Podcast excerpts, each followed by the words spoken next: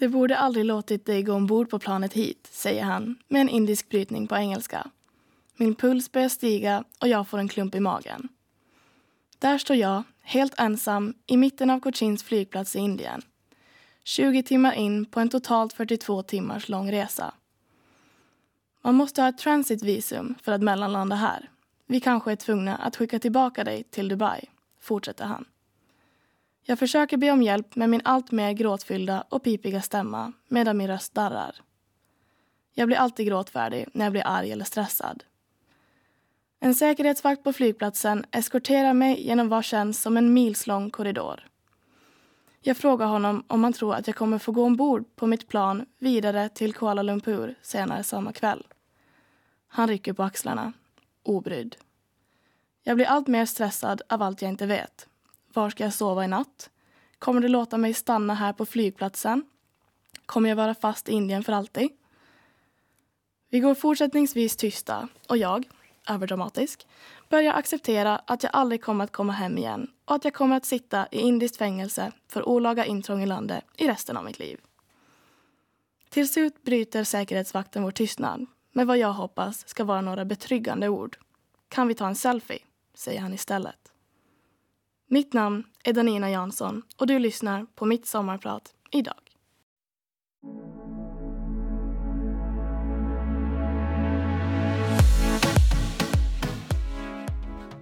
Det där var låten Africa av Bakal Malo. Så började alltså mitt år i Australien. Efter att ha blivit eskorterad genom flygplatsen med tre säkerhetsvakter, korridor efter korridor, säkerhetskontroll efter säkerhetskontroll, kommer vi till slut längst in i bagagesorteringen där jag får identifiera min väska och blir äntligen genomsläppt till min gate. Jag kliver ombord på planet med mitt emergency visum i handen och får fortsätta min resa mot slutdestinationen, Sydney, Australien. Väl på plats var det enda jag hade en veckas boende på hostell samt ett ett års långt visum. Ingen kompis, inget jobb, ingenting alls. En ny start, bara för mig själv. Precis vad jag behövde och ville ha just då.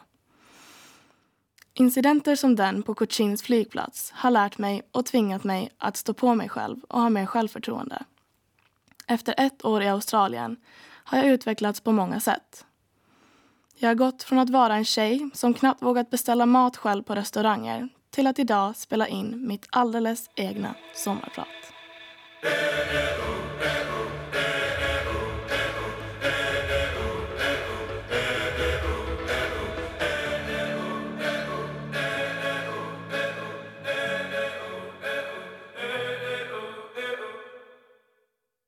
Det där var låten Pompeji av Bastille. Så, för att få de självklara frågorna ur vägen så tidigt som möjligt. Nej, det ligger inte ormar som heltäckningsmattor utomhus i Australien. Ja, jag har ändå sett ormar.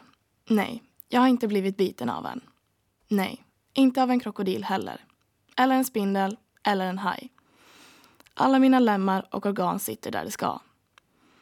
Den här konversationen har jag haft många gånger.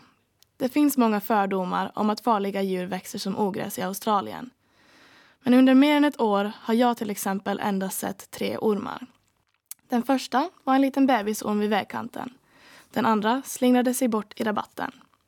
Och det tredje tillfället jag såg en orm på var under en övernattning på en avlägsen ö då gruppens guide kom bärandes med en pytonorm på axlarna och berättade att han hade hittat den precis bredvid var vi skulle sova. I tält, i två nätter till. Japp.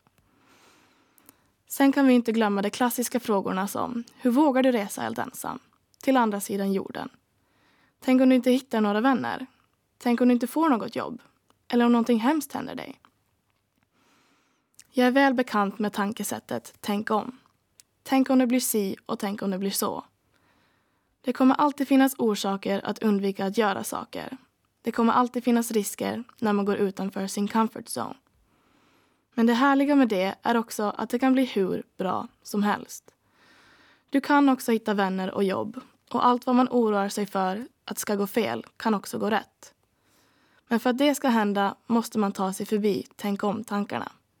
Man måste helt enkelt våga för att vinna.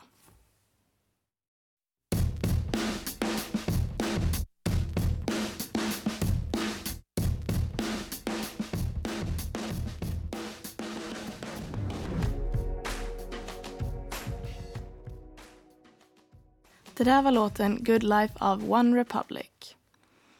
Så hur tar man då steget och bokar en resa man inte vet när ska ta slut? För mig var det en söndagskväll i januari förra året när min bakisångest tog över och jag kände att jag måste bort. Bort från allt och alla här och skapa något nytt, något eget. Och vad passar då bättre än att sticka iväg till andra sidan jorden, tänkte jag. Dit man hört att det aldrig är ett moln på himlen och det enda man gör är att surfa dagarna i ända. Det lockade ju inte bara lite. Så för mig var det begäret att komma bort som gav mig mod att boka flyg och ansöka om visum. Att något så jobbigt som ångest skulle ge mig något så fint som det här året hade jag aldrig anat.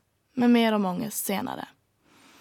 Och nej, det är inte så att jag är sådär jättemodig i vanliga fall. Jag ser faktiskt mig själv som ganska feg. Jag har aldrig hoppat från högre än tre meter från ett hopptorn och jag sover fortfarande med en lampa tänd någonstans i huset om jag är ensam hemma. Och hur ironiskt är det inte att jag fortfarande blir flygrädd? Efter hela två år av regelbundna flygturer klamrar jag fortfarande fast mig vid armstödet och kollar mig omkring ifall någon annan också blir rädd under turbulens. Men det är väl just det. Jag låter inte rädslan för vad som skulle kunna gå fel hindra mig. Riskerna för att jag kommer bli helt ensam, inte hitta vänner eller jobb eller trivas överhuvudtaget blir obetydliga när man jämför dem med hur bra det faktiskt skulle kunna gå. Chansen att hitta nya vänner från världen över, hitta ett jobb, trivas och ha det hur bra som helst väger så mycket tyngre än de riskerna jag just räknade upp. Jag bokade mitt flyg och ansökte om visum i januari förra året. Och flyget skulle då lyfta tre och en halv månad senare, i april. Det kändes som att jag aldrig skulle åka. Tre och en halv månad var ju hur länge som helst. Jag skulle hinna göra så mycket tills dess. Men så plötsligt kom den 26 april. Jag kramade den sista av kompisarna och vinkade hejdå till mina föräldrar för sista gången på vad kom att bli 13 månader.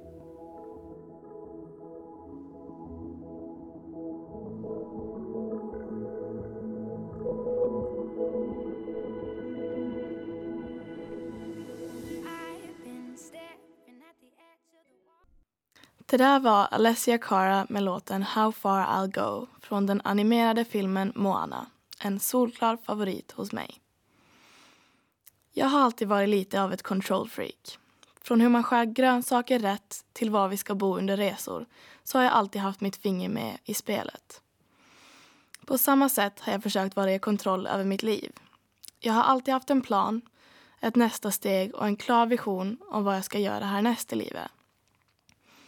Men när jag kollar tillbaka på alla de miljoner drömmar och planer jag haft har det faktiskt nästan aldrig blivit som jag tänkt från början. Samtidigt som jag är ett kontrollfreak är jag också ombytlig. Till exempel, när jag gick i högstadiet planerade jag att efter nian börja på Handels och gå hutt. Istället började jag på Ålands Lyceum. När jag gick i Lusse planerade jag att efter studenten börja plugga direkt samma höst i Helsingfors Istället tog jag ett sabbatsår och reste runt i Asien i tre månader. När jag var i Asien planerade jag att efter det åka till antingen Sverige eller Finland och studera. Istället åkte jag till Australien. Så, som ni märker så blir saker och ting inte alltid som man tänkt sig. Hur mycket man än planerar och bestämmer i förtid är det svårt att veta hur det i slutändan kommer bli. I mitt fall ändrade mina planer från vad jag trodde att jag ville göra till vad jag faktiskt ville vilket var att resa. Du lyssnar på mitt, Danina Janssons sommarprat idag. Här kommer låten Malibu med Miley Cyrus.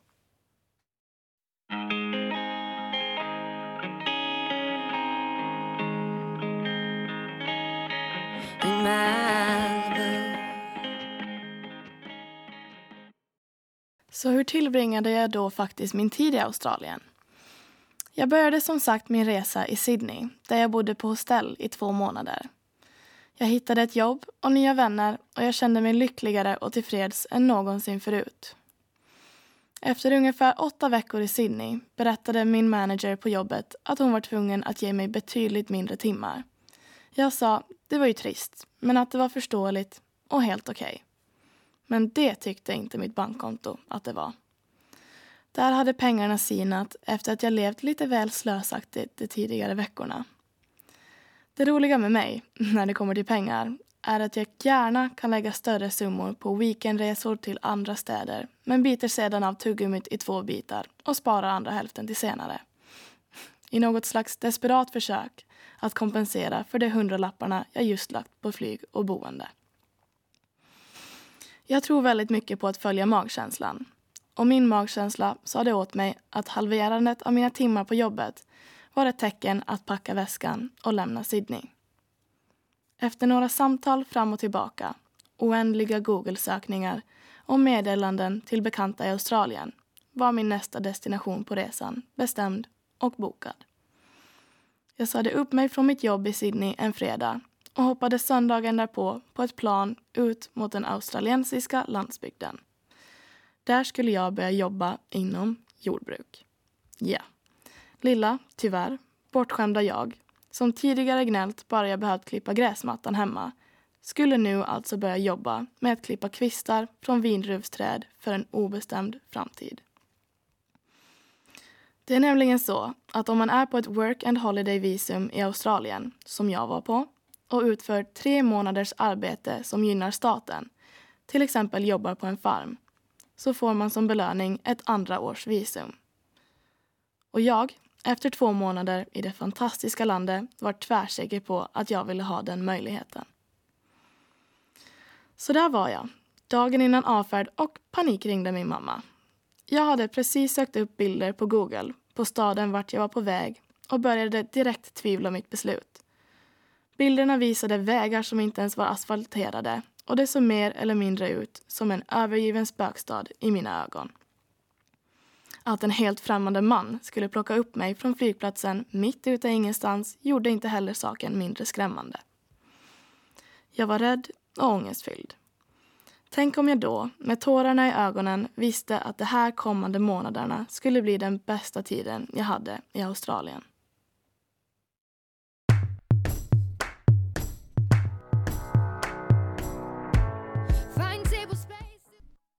Det där var Alessia Cara med låten Wild Things. Det är intressant vad man lär sig i livet och hur saker och ting blir fast man tänkt sig något helt annat.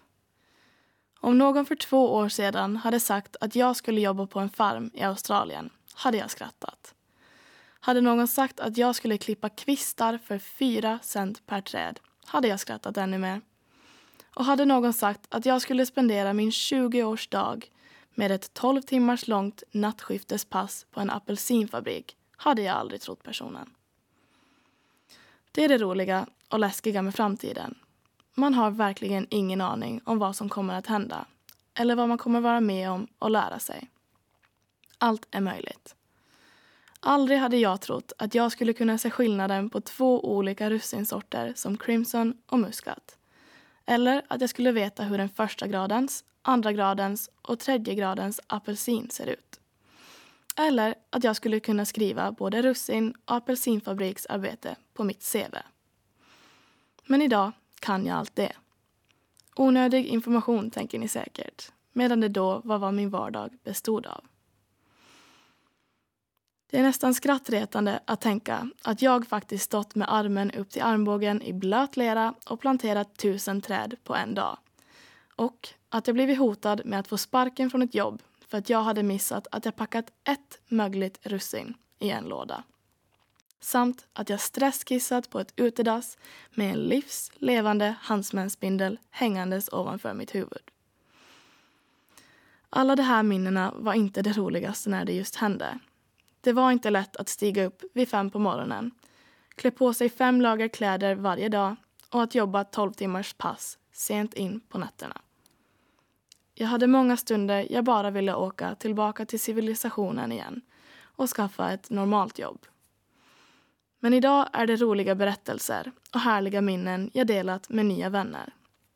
Och jag värdesätter allt jag lärt mig, även om jag inte får någon daglig användning av visdomen. Och dessutom är allt slit under de månaderna anledningen till att jag idag sitter på ett andra års work and holiday visum till Australien.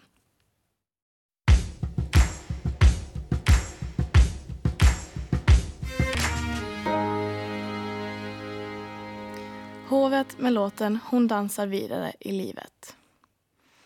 Efter tre och en halv månad ute på landsbygden tog jag äntligen mitt pick och pack och flyttade till Melbourne, södra Australien. Där jag stannade resterande tiden av mitt visum, det vill säga sju månader. När ni hör södra Australien så tänker ni säkert att där är det jättevarmt. Men tyvärr är det helt bakvänt där nere och ju mer söderut du kommer desto kallare blir det. Inte tvärtom som här hemma. Man hör alltid att Australien är så varmt och skönt men jag upplevde dagar då termometern visade noll och då vinden var så stark att den på riktigt knuffade en bakåt. Det hade ingen förvarnat mig om innan jag åkte.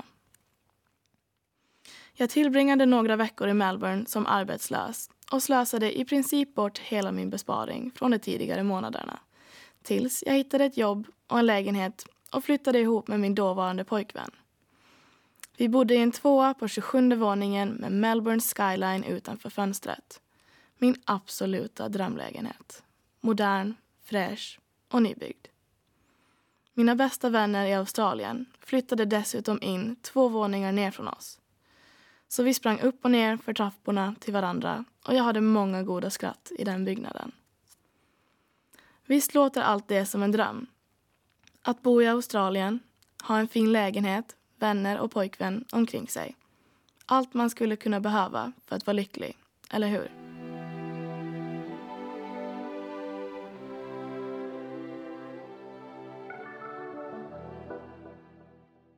Det där var låten Somewhere in Stockholm av Avicii. I sin dokumentär Avicii True Stories säger Tim Bergling jag hade allt som stod på checklistan så jag borde ha varit lycklig. Min checklista var också väldigt avcheckad. Så när jag då kunde ligga vaken sent in på nätterna med en gnagande klump i magen förstod jag inte varifrån min ångest kom. Vad var det som fattades? Det var som att min själ ville bort men min kropp höll den kvar. Jag kunde inte ligga stilla utan att bli galen. Jag smög ut ur mitt sovrum jag delade med min pojkvän och tillbringade nätter med att gå fram och tillbaka på vardagsrumsgolvet i försök om att bli av med ångesten. Ni vet, att gå fram och tillbaka på ett och samma ställe, så där som det i Kalle Anka-serierna gör. Då det till slut bildas en grop där det gått. Jag grävde min egen grop. Ångesten var som en ond spiral nedåt där jag klandrade mig själv för att jag mådde dåligt utan orsak och mådde därför ännu sämre. Jag kände meningslöshet och som om det vore en tjock glasvägg mellan mig och att faktiskt känna lycka. Jag höll ångesten inom mig och berättade inte för någon. Jag låtsades att allt var bra och jag hoppades att det skulle gå över av sig självt. Att det bara var en dålig period. Man blir en mästare på att dölja att man mår dåligt. För att man skäms, precis som jag gjorde. Under min tid i Melbourne jobbade jag i en salladsbar. Där plockade jag ihop sallad efter sallad med ett leende på läpparna, dansandes till den peppiga musiken och skämtandes med både kollegor och kunder. Man kunde omöjligen se på mig att jag gick hem och lade mig och sov bort resten av dagarna för att det var för tungt att både vara vaken och att stiga upp. Så ta den där extra sekunden som är det enda som krävs och fråga hur din kompis, ditt syskon, förälder eller kusin faktiskt mår. Depression och psykisk ohälsa syns inte på utsidan eller i Instagramflödet eller på Facebook. She just wants to be beautiful she goes unnoticed she knows no limits she craves Ännu en Alessia Cara-låt. Den här gången Scars to your beautiful.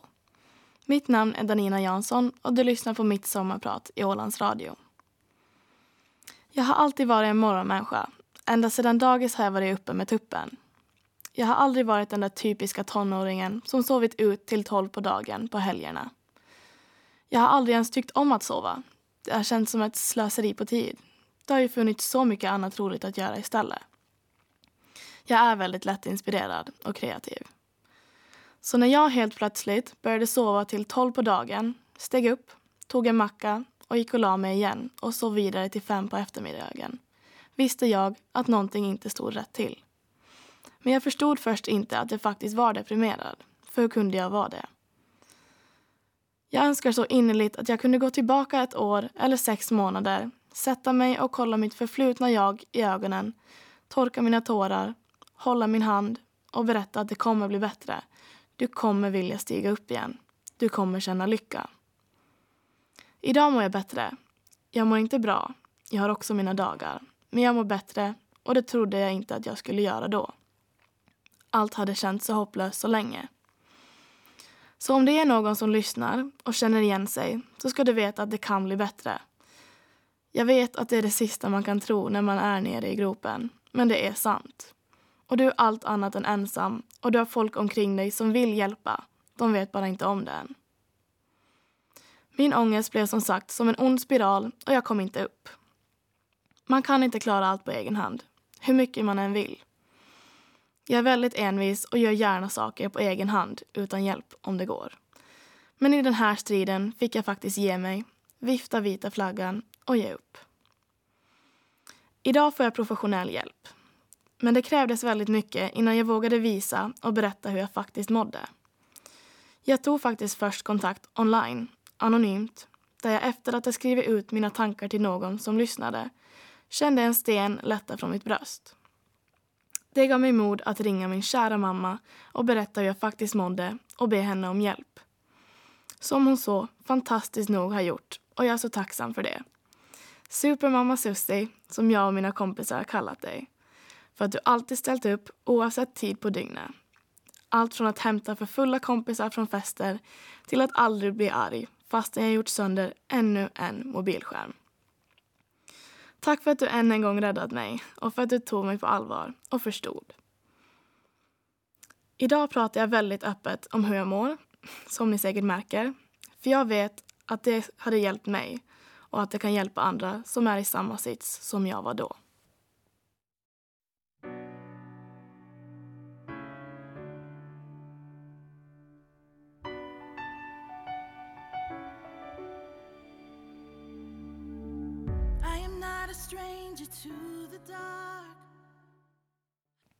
This is me med Keela Settle från filmen The Greatest Showman.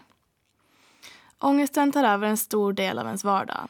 Men som jag sa tidigare så är jag väldigt envis. Jag var fast beslutsam om att fortsätta orka och att bli bättre. Så jag började planera framtida resor. Japan och Australiens östkust blev resultatet av det planerandet. Så jag började söka efter ett extrajobb för att kunna spara mer pengar. Jag fick till slut helg och kvällsjobb på en nattklubb i centrala Melbourne. Så där stod jag varje fredag och lördag till klockan tre på natten i klackar och kort klänning och freeporade vodka cranberries på löpande band åt VIP-gäster. Som en barnvakt på nattklubb skickade jag hem för fulla människor och serverade enligt varannan vattenmetoden till det jag tyckte behövde det. Det jag vill komma till med det här är att man ofta ser förbi det slit som faktiskt ligger bakom de fantastiska upplevelser som visas upp, till exempel på sociala medier. Man undrar varför man själv inte ligger på en strand på Bali eller dricker drinkar i solnedgången en vanlig tisdag i veckan. Så när jag bland många andra lägger upp höjdpunkter av veckan på Instagram ser man inte de 18 timmarna jag suttit på en buss för att komma från A till B eller alla sträckor jag tagit mig fram med en 20 kilos väska på ryggen, en annan väska på framsidan och en skateboard i handen. Och man ser inte heller alla nudlar och bönor med ris jag åt veckorna innan avfärd för att faktiskt ha råd. Det är långt ifrån bara glammigt och härligt att resa, även om det till stor del också kan vara det. Det är viktigt att se längre än bilden. Och som ni hör så har jag prioriterat vad jag lagt mina pengar på. Skulle jag samlat alla pengar jag tjänade under året skulle jag ha betydligt mer sedlar i plånboken med mindre minnen i bagaget.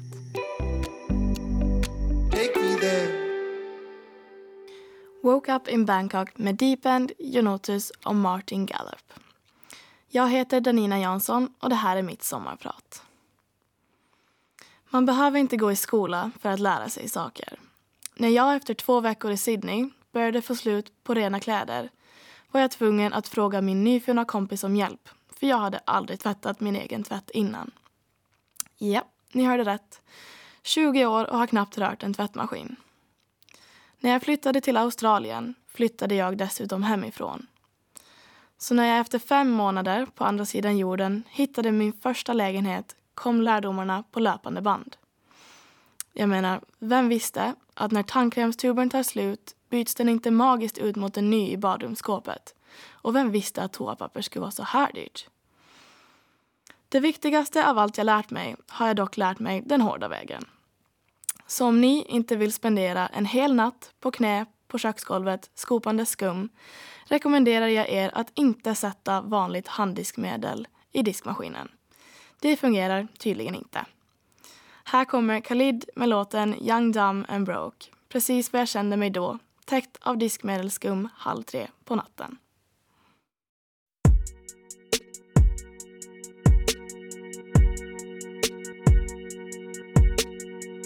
Young, dumb, broke high school kids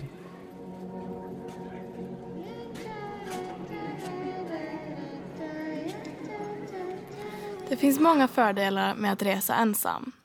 Skillnaden mellan att resa tillsammans med någon och att resa ensam, som jag har märkt, är att man blir mycket mindre negativ. Som yngre har jag haft turen att ha en familj som rest mycket. Åtminstone en gång om året har vi åkt på en veckas semester någonstans. Tyvärr har min kära familj fått stå ut med mina utbrott och aggressioner, suckar och stönar och gnäll. Det är säkert många som känner igen sig att man lätt blir irriterad av att vara så nära in på sina kära under en längre tid. När jag nu kollar tillbaka på dessa stunder skäms jag och undrar hur mina föräldrar varje år frivilligt tog med mig och min bror på utlandsresor. Men så när jag för nu två år sedan reste ensam i Asien så insåg jag att jag hade mindre negativa tankar och klagade knappt alls. Det i sin tur ledde till att jag helt enkelt hade en bättre helhetsupplevelse. Det var av den enkla orsaken att det inte fanns någon där för att lyssna på mina klagomål längre. Det är liksom inte en bra idé att vräka ur sig negativiteter och klagomål på människor man precis träffade i sitt hostells reception. Då kan jag nästan garantera att vänskapen inte kommer att hålla så värst länge. Så när det inte finns någon att klaga till så kan man inte heller klaga. Om ett problem uppstår så finns det ingen som bryr sig om du gnäller och ingen som tycker synd om dig. Det är helt upp till dig att lösa det och hålla minen uppe. Ett exempel är när jag på Bali vid fyra på natten skulle ta en taxi till flygplatsen och fick veta att taxibilarna inte kör den tiden av dygnet. Omständigt, tänkte jag men jag klagade inte när jag sedan hoppade bak på en av hotellägarens bekantas skoter med ryggsäckar åt alla håll.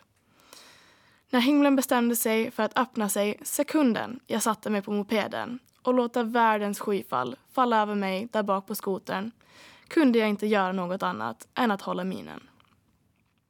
Och när föraren sedan släppte av mig en halv kilometer från flygplatsen var det bara att börja gå i regnet. Jag har varit en väldigt negativ person. Jag såg problem istället för lösningar och mitt glas var alltid halvtomt istället för halvfullt. Efter flera månaders ensamresande har ett positivt tänkande verkligen bitit sig fast på min personlighet. Jag klagar mindre, inser att allt kunde vara värre än det faktiskt är och att det faktiskt är de miserabla händelserna som gör de bästa historierna i efterhand. Nu kommer låten Wild Horses of Birdie med en samfällt remix.